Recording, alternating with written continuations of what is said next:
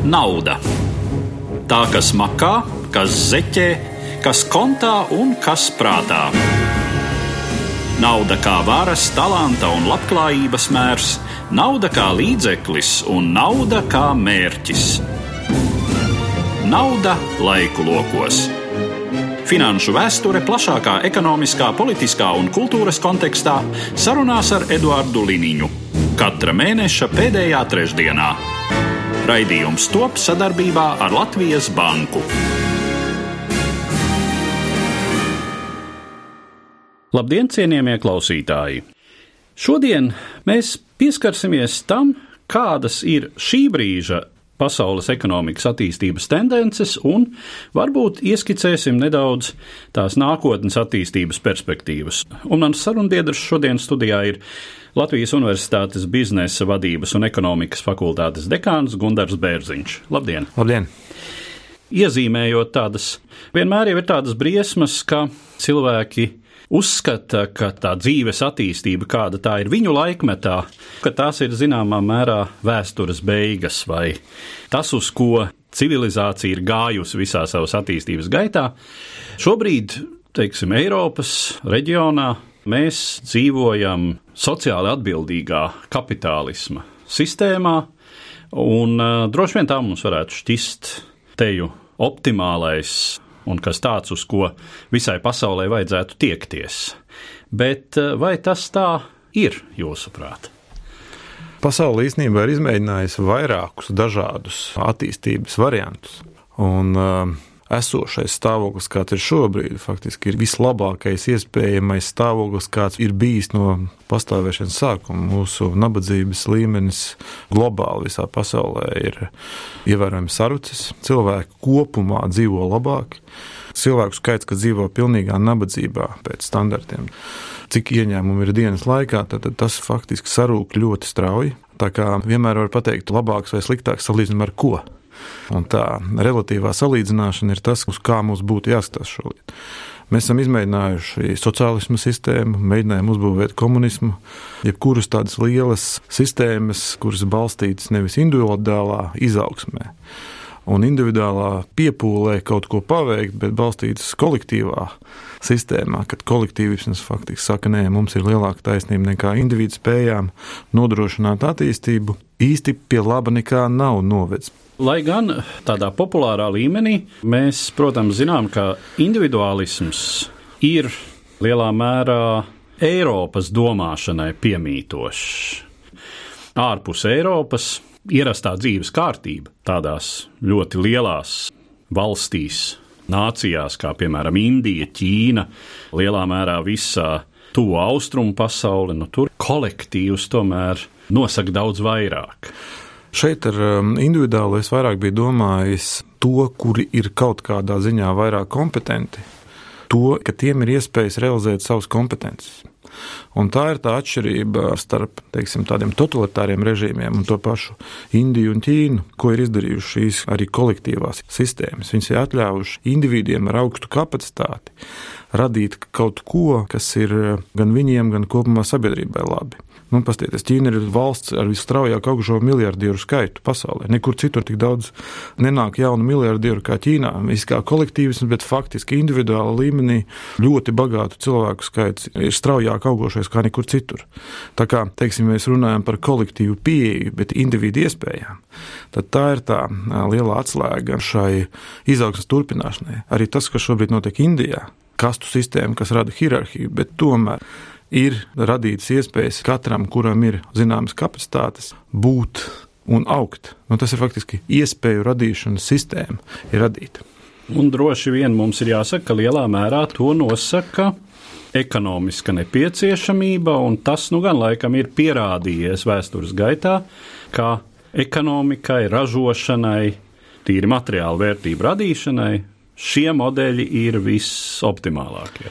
Jā, un ja mēs tā skatāmies globāli, tad citu iespēju jau vismaz mēs neesam atraduši.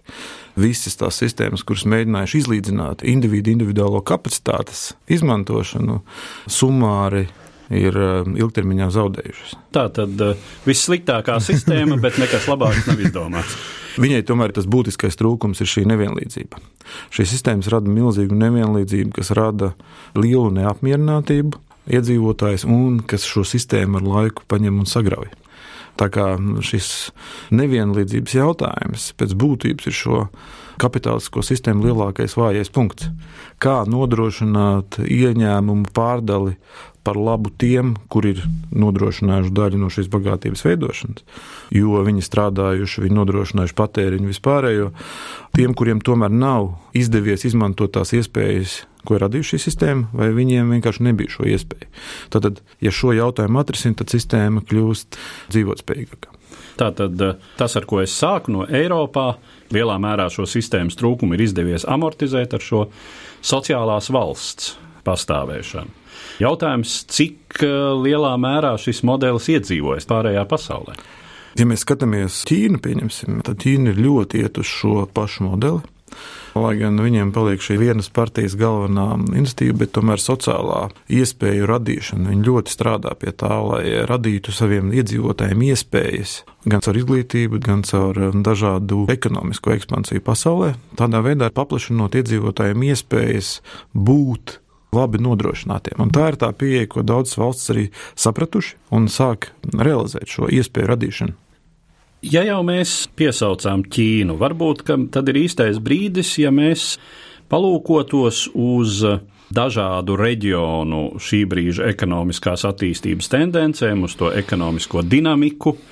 Teiksim tā, ir diezgan skaidrs, ka Eiropas hegemonijas laiks, tas ir, nu jau jāsaka, diezgan tālā pagātnē, tas lielā mērā beidzās līdz ar Pirmo pasaules karu.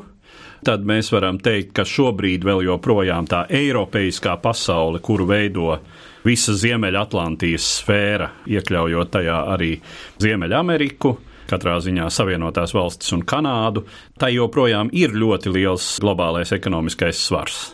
Bet kā izskatās attīstības tendences dažādu reģionu proporcijā. Ja mēs agrāk uzskatījām pasauli par monocentrisku, tad tagad ir multicentriska pasaule, jo pie monocentriskas pasaules ir daudz vienkāršāka. Skaidrība un paredzamība ir ievērojami lielāka. Pie multicentriskas pasaules ir vairāk spēlētāju, spēcīgi spēlētāji, kuriem katram ir savas intereses, un katram ir savi uzdevumi. Katrs no šiem centriem mēģina nodrošināt pēc būtības labākus apstākļus saviem iedzīvotājiem, un tādā veidā tieši šie centri arī attīstās. Ja mēs skatāmies globāli, tad eh, Amerikā, sāksim pēc kontinentiem, varbūt Amerikā un eh, Kanādā. Šobrīd tā ir vislielākās valsts ar vislielāko izaugsmi. Pēc būtības Amerika šobrīd nodrošina visas pasaules lielo izaugsmes dzinējspēku. Tieši šogad, arī nākošais gads, tas ir paredzēts, ka tur tas pīķis ir sasniegts, bet varētu samazināties. Dienvidamerikā tur ir grūtāk. Dienvidamerikā, Brazīlijā ekonomika visu laiku gāja uz leju, un, un Dienvidamerikā šobrīd diezgan liela stagnācija iestājās. Austrālija nav tik liela lai globāli kaut ko ļoti nozīmētu, bet, ja mēs skatāmies Ķīnas reģionu un visu to Āzijas reģionu, tad um, Ķīnā ekonomika ir paredzēts, ka samazināsies no apmēram 6,7 līdz 6,2 nākošajā gadā. Tad Ķīna ir tā valsts, kurai vislielākā ietekme būs no ASV tarifiem. Šobrīd to neredz. Baidoties no tarifiem, visi ir iepirkuši milzīgus krājumus. Tas nozīmē, ka nākotnē šis pieprasījums Ķīnas ekonomikai varētu radīt potenciāls problēmas, bet um, Ķīnas valdība arī izskatās, ka ļoti aktīvi plāno intervenciju ekonomikā, lai nodrošinātu šo lēno piezemēšanos. Indija, Japāna, tad Indijā izskatās, ka tomēr ilgtermiņā tās tendences ir pozitīvas, cilvēku potenciāls ir milzīgs un arī iespējas un demokrātija, faktiski visplašākā demokrātija, kāda jebkad ir bijusi, ar ļoti maz ierobežojumiem. Tur cilvēki šobrīd meklē iespējas un viņas rodās. Tā izaugsme tur ir tāpat virs 6% arī paredzēta. Japānas parāds ir vēl ar vienu ļoti liels un Japāna Nav paredzēts tā, ka ļoti viņa kritīsies, tā ekonomika, bet viņa būs bez izaugsmes. Eiropā ekonomika nākotnē izskatās, ka visi paredzošie indikātori vai prediktīvi indikātori rāda diezgan bažīgas tās zīmes. Mēs negaidām, ka būs kaut kāda krīze, izaugsme būs ievērojami mazāka.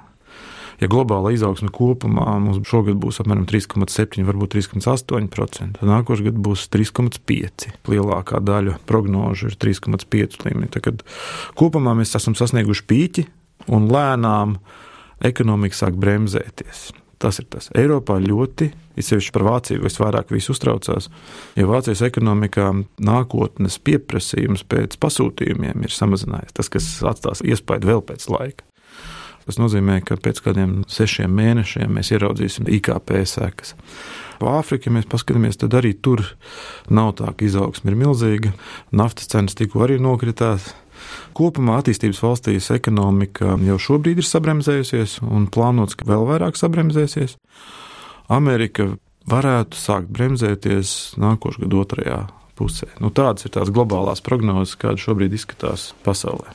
Bet runājot par varbūt mazliet tālāku perspektīvu, skatoties joprojām uz pasauli reģionāli, cik adekvāts ir priekšstats, ka Āfrika šobrīd varbūt ir tas kontinents, kurš ekonomiski zināmā mērā kļūst par diezgan aktīvas konkurences sfēru, kurā pirmām kārtām savā starpā stīvējas, teiksim, Eiropa un Ķīna. Galvenais ir Ķīna. Ķīnas politika ir ļoti interesanta. Tajā ziņā, ka, ja mēs dodam jums finansējumu, mēs esam gatavi finansēt gan arī jebkādus naudas apjomus, kādas jums nepieciešams, bet visa produkcija jums jāpērk pie mums. Ceļus būvēsim mēs, vilcienus pirksiet pie mums. Tā ir tā teiksim, ekonomikā ekspansija, kad it kā iedod naudu, nodrošina infrastruktūru, nodrošina pakalpojumu un parāds paliek, bet ekonomika ir jāaudzē tur. Tā kā Ķīna šajā ziņā ļoti mērķiecīgi iet uz šo savas ietekmes izplatību visā pasaulē. Tas ir tas viņu ceļš, kā viņi redz savu iedzīvotāju labklājības celšanu. Eiropa, ņemot vērā visus šos ierobežojumus, kas saistīti ar lēmumu pieņemšanu, salīdzinošo sarežģītību, ja mēs skatāmies salīdzinām ar Ķīnu, šajā konkurencē nav īsti konkurence. Tā kā tur mēs īsti nemākam strādāt ļoti sarežģītās sistēmās, kāda ir arī Āfrikā. Man vismaz tā liekas, vai arī mums iet grūti tur strādāt. Mēs mākam atbalstīt. Mēs īsti šādu veidu finansēšanas nosacījumu uzlikšanu uz valstīm Eiropā iet salīdzinoši grūtāk. Jā, mēs joprojām Eiropā izjūtam vēsturiski Āfriku kā tādu patronizējamu reģionu. Tās ir bijušās Eiropas kolonijas, tur ir zinām pienākumu izjūta. Tas viss eh, sarežģīja Eiropai tās izšķiršanās, un, protams, Eiropai nav viena varas centra, kāds ir eh, Ķīnas, teiksim, vismaz nomināli joprojām komunistiskās partijas vadības centrs. Nu, jā, nu, Francija, piemēram, ļoti ņemot vērā vēsturiskos sakarus, ir ļoti cieši saistīta ar Maroku. Tur arī Francija ir uzbūvējusi vilcienu, palīdzējusi, investējusi vilcienu līnijas radīšanā un tā tālāk. Tā kā Eiropa arī cenšas, bet eh, vairāk valstu līmenī, nevis tādā Eiropas Savienības līmenī. Eiropas Savienība ir atbalsts funkcija, nevis vairāk investīcija funkcija, un tā ir tā atšķirība starp Ķīnu un Eiropu. Nauda laiku lokos Sarunas ar Eduardu Liniņu par finanšu vēsturi plašākā ekonomiskā, politiskā un kultūras kontekstā. Raidījums top sadarbībā ar Latvijas Banku. Ir viens aspekts, ko varbūt mēs neminējām, bet kas šobrīd izskatās, ka spēlē gan dominējošo lomu, ir šī globālā digitalizācija, kas potenciāli rada milzīgas iespējas, bet arī potenciāli milzīgus riskus. To mēs redzam pēc ekonomiskiem datiem, piemēram, ASV, Ķīnā. ASV šobrīd ir gadus dažādu digitālo produktu un digitālās ekonomikas attīstībā faktiski investē privāti, gan lielākā daļā. Investē apmēram 60 miljardus dolārus. Ķīna 45, Eiropa knapi 16. Ja mēs skatāmies, ka digitalizācija ir šī brīža lielākais produktivitātes izaugsmes avots, tad eh, nu, šī ir ļoti riskanta stratēģija. Kad ir inovācijas, bet inovācijas tieši digitālā jomā, jo tas rada milzīgu iespēju produktivitātes celšanā, bet no otras puses tas rada veselu cilvēku kategoriju, kuri nav gatavi darba tirgumam šajā digitālajā laikmetā, kur nepieciešama pārkvalifikācija. Un eh, šis pats Igaunijas piemērs, viņi atbildēja uz jautājumu, kas mēs esam. Mēs esam digitālā republikā, un šo ideju izplata visās savās nozarēs. Dievs, ir diezgan liels priekšrocības pie tik maza izmēra nodrošināt šo globālo tirgu saviem produktiem. Tā kā Ķīna ir milzīgas investīcijas digitālajā vidē, ASV ir milzīgas investīcijas. Tas arī dod šo šī brīža kapacitāti attīstīt ekonomiski straujāk nekā citiem. Te nu mēs esam nonākuši faktiski pie tā, kas ir galvenais resurss visam tam fenomenam, ko mēs saucam par globalizāciju. Tā tad digitalizācijas nodrošinātā daudz straujākā informācijas aprite, bet līdz ar to, protams, arī resursu. Pirmkārt, finansiālo, bet arī citu resursu aprite. Un tas viss, protams, veido to, ko mēs saucam par globalizāciju. Jūs jau piesaucāt šo automatizācijas attīstību, kas ir process, kas turpinās nu jau desmit gadus, un droši vien mēs varam vēsturiski skatīties līdz pat industriālajai revolūcijai 19. gadsimtā, kad pirmo reizi mašīnas sāk aizstāt cilvēkus. Tā tendence turpinās joprojām, un acīm redzot, nākotnē pieaugs progresijā. Tā izskatās lielākā daļa šo biznesa cilvēku. Faktiski prognozējuši, ka tas, kas izdomās, kā strādāt ar mākslīgu intelektu, tas, kas to izdomās, tas būs triljardieris. Jo Šobrīd tā lielākā problēma ir tāda, ka datu apjoms pieaug eksponenciāli, milzīgā apjomā. Datu pieejamība pieaug gan īstenībā neierobežot šobrīd. Problēma, ka mūsu spēja strādāt ar datiem palikusi tāda, kā, kad mēs vēl lasījām grāmatas, un tagad mazliet labāk ir, jo mums ir dažādi rīki, daži no mums māca ar viņiem strādāt. Tas mākslīgais institūts faktiski ir spēja apstrādāt milzīgus datu apjomus, bet nevis vienkārši viņus apstrādāt, bet izdarīt jēgpilnus secinājumus no šiem datiem. Un tā spēja izdarīt jēgpilnus secinājumus ir tas, kas atšķir tos, kas uzvar globālajā konkurencē un tos, kas neuzvar globālajā konkurencē. Mēs skatāmies datus par produktivitātes pieaugumu uzņēmumiem, kas ir ar lielāku izaugsmi, tad viņu produktivitāte ir augusi vidēji pasaulē 1,5 reizes. Savukārt tiem, kas ir normāli strādājuši, 1,2 reizes. Tātad tā starpība, un ar katru gadu viņa aug, jo kopumā tie frontrunneri strādā labāk. Jo tā starpības starp tiem, kas strādā kā parasti, milzīgi palielinās ar katru gadu. Un jautājuma būtība ir spēja izdarīt jēgpilnus secinājumus no milzīgās pieejamās informācijas. Cilvēks, cik bieži viņš spēj strādāt ar cik dažādiem mainīgajiem. Mēs spējam vienlaicīgi strādāt. Datorsistēmas var strādāt ar tūkstošiem mainīgo, bet kā no viņiem atrast optimālu lēmumu, tā ir sarežģītība. Kādas ir tās atbildes uz uh, jūsu piesauktiem riskiem, proti, sociālais spiediens, kas rodas automatizācijas rezultātā? Redziet, šobrīd ir interesanta tendence. Mēs šobrīd tuvojamies vēsturiski viszemākajam bezdarba līmenim pie visas šīs automatizācijas. Amerikā bezdarbs tiks plānots sasniegt 3%, kas tiek uzskatīts par zemu normālā bezdarba līmeņa. Eiropā ir darba spēka trūkums. Latvijā mēs redzam darba spēka trūkumu. Tas, protams, rada spiedienu uz algām, spiedienu uz pieaugumu un faktiski noēd iespēju uzņēmumiem investēt attīstībā. Tā ir tā saikne. Ja viss nauda jātērē atalgājumā, tad eh, kapitāla izdevumiem, piemēram, jaunu rūpnīcu būvniecībai, jaunu iekārtu iepirkumam, nepietiek līdzekļu. Kas šobrīd notiek, mums faktiski algu pieaugums noēda attīstības finansējuma iespējas. Cik lielā mērā tā ir Latvijas un cik lielā mērā tā ir eh, ne tikai Latvijas problēma? Konkrētā gadījumā tā ir viena no Latvijas problēmām, bet globāli tā izskatās, ka drīz arī var būt potenciāla problēma. Nu, visa Eiropa šobrīd domā, kā viņi nodrošinās izaugsmi darba spēka trūkuma rezultātā. Pie tam kvalificētu darba spēka trūkuma rezultātā. Ļoti daudz cilvēku par to domājuši, ko darīt. Viena no tām lielajām idejām ir, ka tā mūža izglītība ir diezgan lielā mērā atslēga. Pārmācīšanās, mācīšanās no jauna, jaunu zināšanu iegūšana lai būtu atbilstība darba tirgus prasībām, droši vien nākotnē būs norma. Mēs nekad nebeigsim mācīties.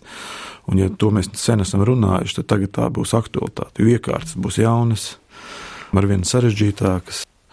Bet tai pašā laikā, kā jau teicu, ļoti interesanti, ka faktiski darbu spēka trūkums ir vēl ar vienu, neskatoties šo digitalizāciju. Tā kā Kā tas attīstīsies, īsti vēl neviens nevar atbildēt uz šo jautājumu. Nu, nav tādu, kas tagad saka, jā, mums ir pilnīgi skaidrs, kas būs ilgtermiņā. Teiksim, ideja par to, ka pasaulē pieaug iedzīvotāju skaits, no šobrīd, cik mēs esam, 7 miljardi. Bet interesanti, ka šī prognoze par izaugsmi Viena no teorijām saka, ka viņš vēl augs, un tad strauji samazināsies. Un kāpēc samazināsies? Tāpēc, ka pat pieaugot vidējam ienākumu līmenim, mēs redzam, kas notiek. Cilvēki dzimst mazāk. Un tad, kad visa pasaule kļūst bagātāka, tad iedzīvotāju skaita samazināšanās būs tikai loģiska un dabiska. Jo, ja mēs skatāmies uz Eiropu, pie zināmā bagātības līmeņa iedzīvotāju skaits sāk kristies. Jā, process, kuram Latvija izgāja cauri 20. gadsimta pirmajās desmitgadēs. 19. gadsimta otrā puse tas ir strauji iedzīvotāju skaita augums, pateicoties tam, kā strauji samazinās mirstība, sevišķi jau bērnu mirstība, palielinās mūža ilgums, uzlabojoties dzīves līmenim, un tad sāk iestāties viena, divu bērnu ģimenes modelis, strauji sarūk dzimstību. Mums tas jau ir iziets etaps, bet visdrīzāk, kad visos līdz šim mazattīstītajos planētas reģionos notiks līdzīgi procesi, tad visdrīzāk tā tas arī būs. Nu, jā, nu šobrīd Āfrikā ir valstis, kurās vidējais iedzīvotāju vecums ir 28 gadi, 29 gadi, un viņu skaits milzīgi pieaug. Tur ir milzīgs potenciāls. Tas, ka mums ir jābūt politikai par iedzīvotāju skaita pieaugumu, un tā ir milzīga aktualitāte, tas ir viennozīmīgi.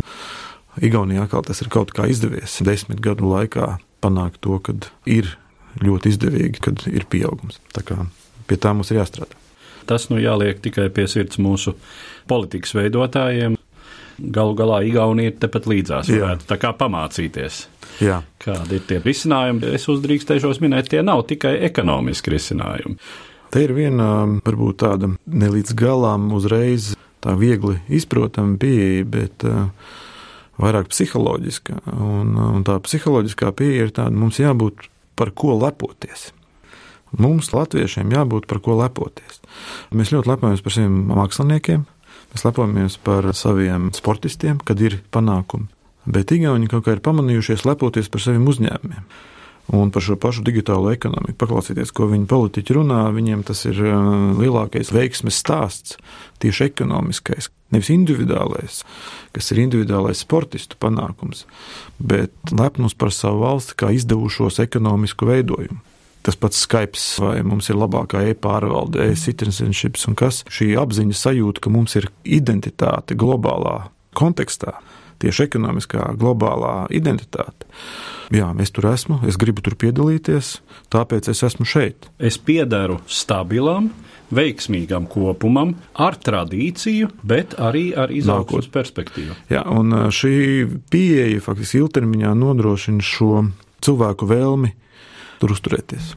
Tas ir tiešām ļoti svarīgi. Gribās izteikt tādu piesardzīgu cerību, ka mēs vismaz izprotam to nepieciešamību krietni labāk nekā varbūt pirms 10 vai 15 gadiem, kad mums šķita, ka pievienošanās Eiropas Savienībai kā kopumam, nu, tas ir viss, ko mēs varam vēlēties. Tieši tā, jo tie pašai Lietuvai redz, viņi sev identificējuši, ka mēs esam labākie tirzniecības speciālisti vai tirgotāji. Mums ir Maksima, mums ir Klaipēdas osta, kas savu visstraujāk no visām ostām. Mēs esam tranzīts, un uh, viņi šo ideju ļoti aktīvi arī politiski, ekonomiski attīsta. Savukārt, ja mēs paprasām, kas ir Latvijas ekonomiskā identitāte, diezgan sarežģīti atbildēt šo jautājumu, nu, kas ir tas galvenais produkts, ar ko jūs lepojaties. Nu, mēs nonākam pie balzāma vai laimes, kas nevienmēr ir pasaulē atpazīstams, ar kuru mēs varam teikt, jā, visi viņu zina. To pašu Igauniju Skype zina faktiski visi. Tā ir tā lieta, kas mums varbūt iztrūkst, kā nācijai šobrīd, un pie kā būtu ļoti nopietni strādāt, liels, veiksmīgs visiem zināms uzņēmums. Nu, piemēram, tas pats mikrotīkls, kas ir ļoti veiksmīgs, bet viņš zināms ir tikai ļoti nelielai daļai globālo spēlētāju, viņš ir nišas produkts. Un arī droši vien ne visi Latvijā zina, kas ir mikrotīkls un ko viņš tieši ražo. Varbūt, ka mēs varētu atgādināt. Viņi ražo bezvadu pārraides ierīces, kas ir ļoti ātras un komponenti šīm bezvadu pārraides ierīcēm ar vienu no augstākām produktivitātēm savā nozarē. Ļoti veiksmīgs uzņēmums, milzīgu peļņu un tā tālāk. Ir vēl viens ļoti nozīmīgs faktors, kas arī noteikti ietekmēs nākotnes ekonomikas attīstību, un tie ir ekoloģijas jautājumi. Te mēs nerunājam tikai par to, ko mēs varam dabūt no zemes dzīvēm, vai kas var izaugt, bet par to, cik ilgspējīga ir tā attīstība, cik tā mūsu planēta var šādu attīstību noturēt, un cik mēs varam atļauties izmest uh, gaisā ogliskābās gāzes, cik mēs varam atļauties jebkādā veidā izmantot ūdeni, nogādāt atpakaļ planētas ūdens apritē un tā tālāk. Un tā tālāk. Es teiktu, ka šim jautājumam ir divi ļoti būtiski aspekti. Šis individuālais valsts konkurētspējas aspekts, ko ASV šobrīd ļoti precīzi ir iezīmējis. Mēs esam par ekonomiku, Amerika First princips, un tas attiecas arī uz ekoloģiju. Mūsu gadījumā tas pats stāsts, kas jāizvēlās ar ekonomiskās intereses, kas noved pie dārgas elektrības cenas vai domāšanas par ekoloģiju un pasauli. Tas pats Oikas jautājums teorētiski izrietēja no ekoloģiska jautājuma. Tagad, kad mēs atgriezīsimies pie šīs diskusijas, mēs atkal nonāksim pie šī jautājuma, cik Latvijas sabiedrība ir gatava maksāt par zaļu enerģiju. Un tad, kad mums būs jānosaka viņš konkrētā kilovata cenas veidā vai pieskaitījumās izmaksās, tad mēs tiešām varēsim atbildēt uz jautājumu, vai mēs tiešām domājam par ekoloģiju. Jā, šī obligātā iepirkuma komponente tas nav absolūts ļaunums un korupcijas rezultāts. Jā, cēlonis un tas cēlais mērķis sākumā bija tieši ekoloģiskā jautājuma. Tas bija vienīgais veids, kāpēc tika iestrādāta šī komponenta tarifā. Bet es ceru, ka mēs nonāksim pie šī jautājuma pārskatīšanas. Un es ceru, ka mums būs objektīva diskusija par to, cik mēs esam kā sabiedrība gatavi maksāt par šo ekoloģiju. Un tad mēs, kā jau teicu, iegūsim objektīvu sapratni par to, kā mēs domājam par ekoloģiju Latvijā. Un ekoloģija nav tikai izmeši, bet tas, piemēram, ir tā pati temperatūra. Šogad bija pirmais gads, kad Zviedrijā, tepat blakus, tika apturētas atomelektrostacijas, kas ražo elektrību, tāpēc, ka ūdens bija pa siltu Baltijas jūrā un nepietika temperatūras, lai dzēsētu šīs atomelektrostacijas. Tas notika pirmo reizi, jo aprēķinātā temperatūra bija virs tā, ko jebkad kāds bija rēķinājis, kad veidoja šīs stacijas. Tā kā mēs ar to saskaramies jau pavisam tuvu šīm eh, sekām, kas izriet no klimata izmaiņām. Šobrīd arī diskusija par tām pašām elektrības cenām Latvijā. Sausa vasara, lūdzu, tarifs augšā. Es teiktu tā, ka mēs nekur neliksimies, mums būs par to jādomā. Ja tā paša plasmas pudeles pārstrādes cikls, laikam 450 gadi, kad pilnībā pārstrādājās, tas nākotnē nopietni ietekmēs arī ekonomiskos lēmumus un novedīs pie cilvēku migrācijas jautājuma, ka būs vietas, kur vairāk nevarēs dzīvot. Nu, viens no siltums, otrs no ūdens daudzuma Tāpat lauksaimniecības politika, nozeres, kur var attīstīt. Tur ir ļoti daudz dažādu aspektu, ar ko mums nāksies darīt. Jautājums, vai mēs tur tiešām kaut ko varam darīt, vai tas ir pilnīgi cilvēku veidots process, un uh, cik tas ir dabisks process, un uh, ko mēs reāli varam darīt. Es domāju, tur ir vēl ļoti daudz ko diskutēt. Ja nu mēs rezumējam mūsu sarunu un uh, iezīmējam tādus galvenos globālās ekonomikas attīstības virzienus, kas būs tās fundamentālās tendences, teiksim, nākamajiem 20, varbūt 50 gadiem, ja tās var definēt. nu, paredzēt uz 50 gadiem, laikam visprecīzākās prognozes notiek tikai demogrāfijā. No visām statistikas nozarēm demogrāfija ir viena no precīzākajiem. No cilvēku paradumi tomēr mainās salīdzinoši lēnām, un cilvēku mūža ilgums ir salīdzinoši garš. Tur ir diezgan skaidrs, kas potenciāli būs, ja mēs neko nemainīsim. Ja man tagad jāprognozē, kas ir vienmēr grūts uzdevums, tad uh, mums jāatcerās svārsta princips. Tikko mēs mēģinām kaut ko aizspiest uz vienu pusi, tāpēc kādu laiku mums ir pretējais. Mums bija pilnīgas, teiksim, tādas liberālas demokrātijas laiks, tagad sākās dažādi populismas viļņi Eiropā, tas ir pretējais efekts. Viens ir konservatīvs populisms, otrs ir sociāli orientēts, bet viņš iet uz abām pusēm. Kā rāda Itālijas piemērs, abi var tīri labi sadzīvot. Jā, tieši tā. Un šis vārsts ir tas, kas izskatās, ka būs, kamēr mēs neiemācīsies dzīvot līdzsvaroti. Kā jau teicu, digitalizācija būs viena no tendencēm.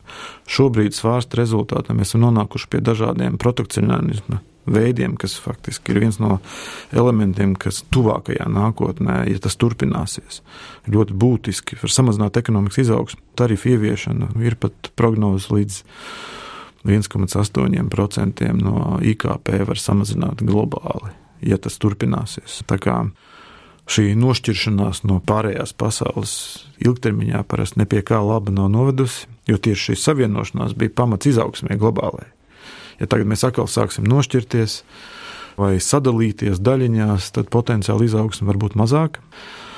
Tas ir viens no tādiem aspektiem, bet es nedomāju, ka tas ir ilgtermiņa aspekts.